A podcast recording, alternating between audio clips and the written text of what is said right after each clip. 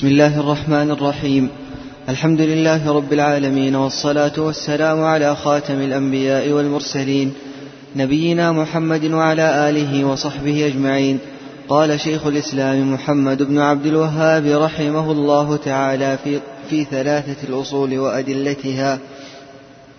المرتبة الثانية الإيمان وهو بضع وسبعون شعبة فأعلاها قول لا إله إلا الله. وأدناها إماطة الأذى عن الطريق والحياء شعبة من الإيمان وأركانه ستة أن تؤمن بالله وملائكته وكتبه ورسله واليوم الآخر وتؤمن بالقدر خيره وشره. والدليل على هذه الأركان الستة قوله تعالى ليس البر أن تولوا وجوهكم قبل المشرق والمغرب ولكن البر من آمن بالله واليوم الآخر والملائكة والكتاب والنبيين. ودليل القدر قوله تعالى إنا كل شيء خلقناه بقدر. المرتبة الثالثة الإحسان ركن واحد. وهو أن تعبد الله كأنك تراه فإن لم تكن تراه فإنه يراك. والدليل قوله تعالى إن الله مع الذين اتقوا والذين هم محسنون. وقوله وتوكل على العزيز الرحيم الذي يراك حين تقوم وتقلبك في الساجدين إنه هو السميع العليم. وقوله وما تكون في شأن وما تتلو منه من قرآن ولا تعملون من عمل إلا كنا عليكم شهودا إذ تفيضون فيه. الآية والدليل من السنة حديث جبريل المشهور عن عمر بن الخطاب رضي الله عنه قال بينما نحن جلوس عند النبي صلى الله عليه وسلم إذ طلع علينا رجل شديد بياض الثياب شديد سواد الشعر. لا يرى عليه أثر السفر ولا يعرفه منا أحد. حتى جلس إلى النبي صلى الله عليه وسلم فأسند ركبتيه إلى ركبتيه ووضع كفيه على فخذيه وقال يا محمد أخبرني عن الإسلام. فقال أن تشهد أن لا إله إلا الله وأن محمدا رسول الله. وتقيم الصلاة وتؤتي الزكاة وتصوم رمضان وتحج البيت إن استطعت إليه سبيلا. قال صدقت فعجبنا له يسأله ويصدقه. قال فأخبرني عن الإيمان. قال أن تؤمن بالله وملائكته وكتبه ورسله واليوم الآخر وتؤمن بالقدر خيره وشره. قال صدقت. قال فأخبرني عن الإحسان. قال أن تعبد الله كأنك تراه فإن لم تكن تراه فإنه يراك. قال فأخبرني عن الساعة.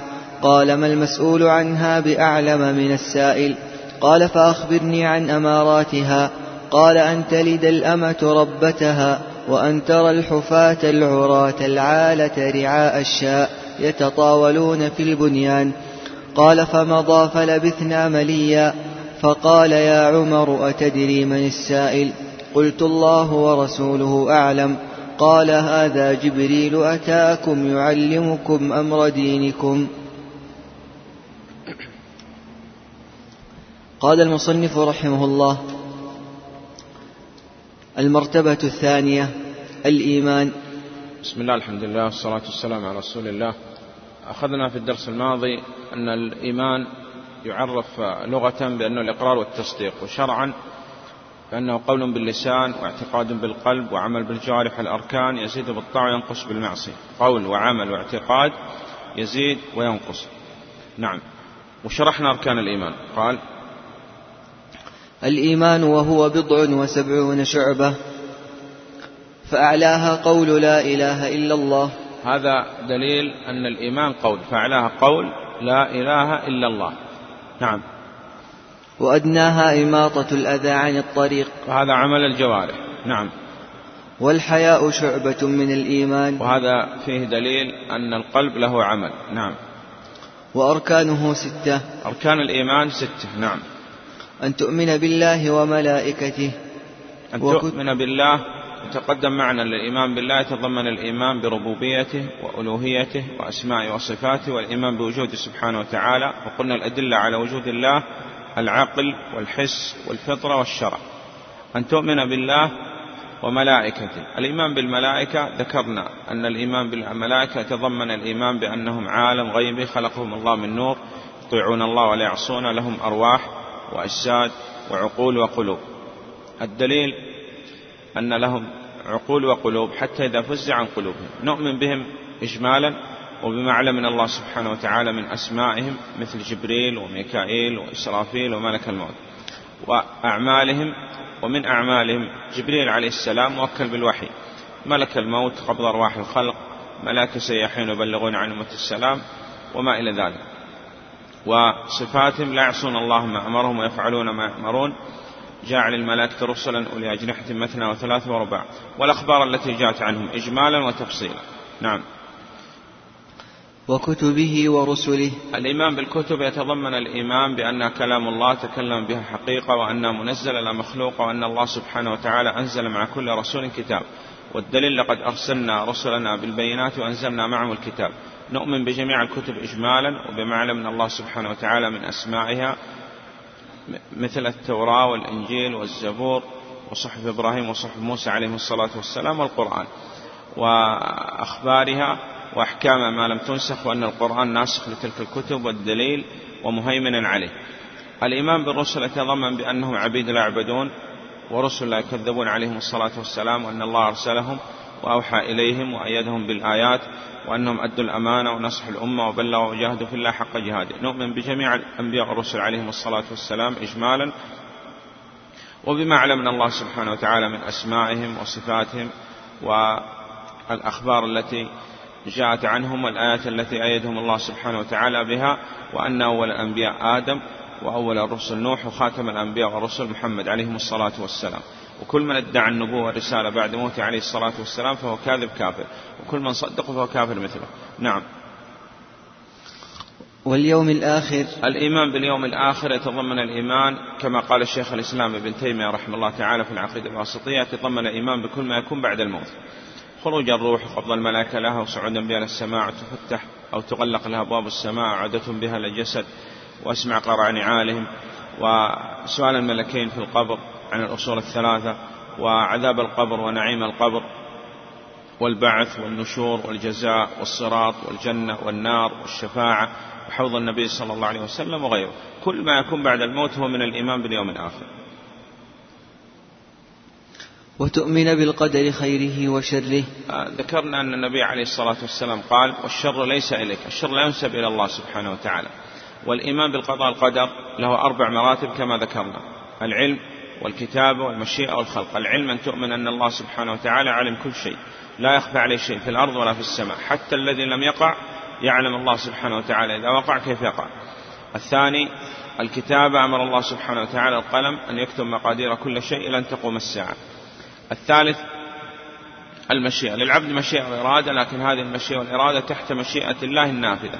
فما شاء الله كان وما لم يشاء لم يكن وما تشاءون إلا أن يشاء الله رب العالمين. فأتوا حرثكم أن شئتم. الرابع الخلق. فالعبد مخلوق وأعماله تابعة له فهي مخلوقة مثله. والله خلقكم وما تعملون الله خالق كل شيء. نعم. والدليل على هذه الأركان الستة قوله تعالى ليس البر أن تولوا وجوهكم قبل المشرق والمغرب ولكن البر من آمن بالله واليوم الآخر والملائكة والكتاب والنبيين. نعم. ودليل القدر قوله تعالى إنا كل شيء خلقناه بقدر. المرتبة الثالثة الإحسان. ركن واحد. وهو أن تعبد الله كأنك تراه فإن لم تكن تراه فإنه يراك. أن تعبد الله كأنك تراه قلنا عبادة مشاهدة ورغبة وحب وشوق فيما عند الله سبحانه وتعالى وهذه عبادة الأنبياء والرسل عليهم الصلاة والسلام. وهل يمكن أن الإنسان يصل إلى هذه المرتبة؟ قال نعم. وإذا لم يستطع الوصول إلى هذه المرتبة لا يمكن يخرج عن المرتبة الثانية. فإن لم تكن ترى فإنه يراك. عبادة خوف وهرب تسمى عبادة المراقبة. نعم. والدليل قوله تعالى إن الله مع الذين اتقوا والذين هم محسنون. آه، سوف يأتي معنا إن شاء الله تعالى في العقيدة الواسطية أن أهل السنة والجماعة يثبتون لله سبحانه وتعالى معية حقيقية تليق بجلالة عظمته لا تماثل معية المخلوقين ولكن يصان الله سبحانه وتعالى على الظنون الكاذبة. مثل أن يظن أن الله سبحانه وتعالى حال في مخلوقاته أو في الأماكن التي ينزه الله سبحانه وتعالى عنها. وسوف يأتي معنا إن شاء الله تعالى أن المعية تنقسم إلى قسمين معية عامة ومعية خاصة. المعية العامة شامل كل الخلق والمعية الخاصة إما بشخص أو بوصف. وأهل السنة والجماعة يثبتون المعية ويثبتون مقتضى المعية بخلاف أهل الباطل. نعم إن الله مع الذين اتقوا والذين هم محسنون. نعم. التقوى هي أن تجعل بينك وبين عذاب الله وقاية فعل الأوامر واجتناب النواهي على علم وبصيرة والذين هم محسنون تقدم معنا أن الإحسان ركن واحد. نعم. وقوله وتوكل على العزيز الرحيم الذي يراك حين تقوم وتقلبك في الساجدين. وتوكل. أخذنا أن التوكل هو صدق الاعتماد على الله سبحانه وتعالى مع الثقة به والأخذ بالأسباب. وقسمنا التوكل إلى ثلاثة أقسام.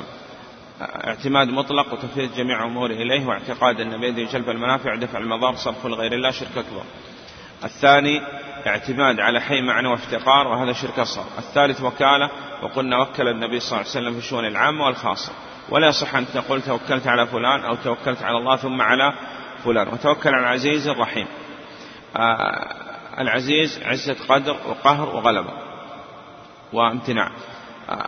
قال وتوكل على العزيز الرحيم الذي يراك حين تقوم وتقلبك في الساجدين. إنه هو السميع العليم. نعم. وقوله وما تكون في شأن وما تتلو منه من قرآن ولا تعملون من عمل إلا كنا عليكم شهودا إذ تفيضون فيه. نعم. والدليل من السنة؟ الدليل من السنة على الإسلام والإيمان والإحسان على مراتب الدين الثلاثة على ما تقدم معنا. نعم.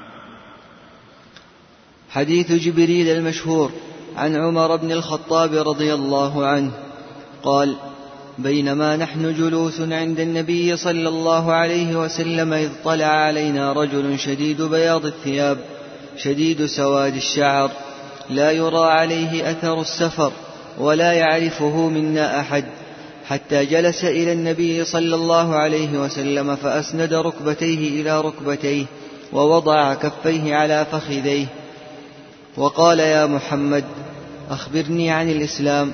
نعم. قلنا في الدرس الماضي أن جبريل عليه السلام جاء في صورة المتأدب المتعلم. في الهيئة وفي الجلسة وفي الجلسة وفي السؤال حسن السؤال ثم أنصت للنبي صلى الله عليه وسلم ولم يقاطعه فلما حاضروه قالوا أنصتوا. وقلنا لابد أن طالب العلم يعرف حقوق ستة. حق طالب العلم في نفسه ومع زميله ومع المكان ومع الكتاب ومع شيخه ومع العلم الذي تعلم. نعم. وقال يا محمد أخبرني عن الإسلام فقال أن تشهد أن لا إله إلا الله وأن محمد رسول الله وتقيم الصلاة وتؤتي الزكاة وتصوم رمضان وتحج البيت إن استطعت إليه سبيلا. قال صدقت فعجبنا له يسأله ويصدقه. العجب كان لأن جبريل عليه السلام يسأل والأصل أن السائل يكون لا يعرف الإجابة فهذا دليل أنه يعرف الإجابة.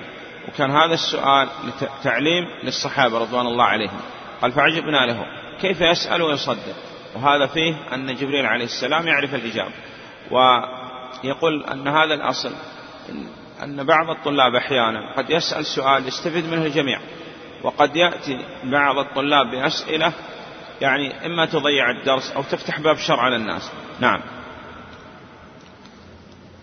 قال فأخبرني عن الإيمان.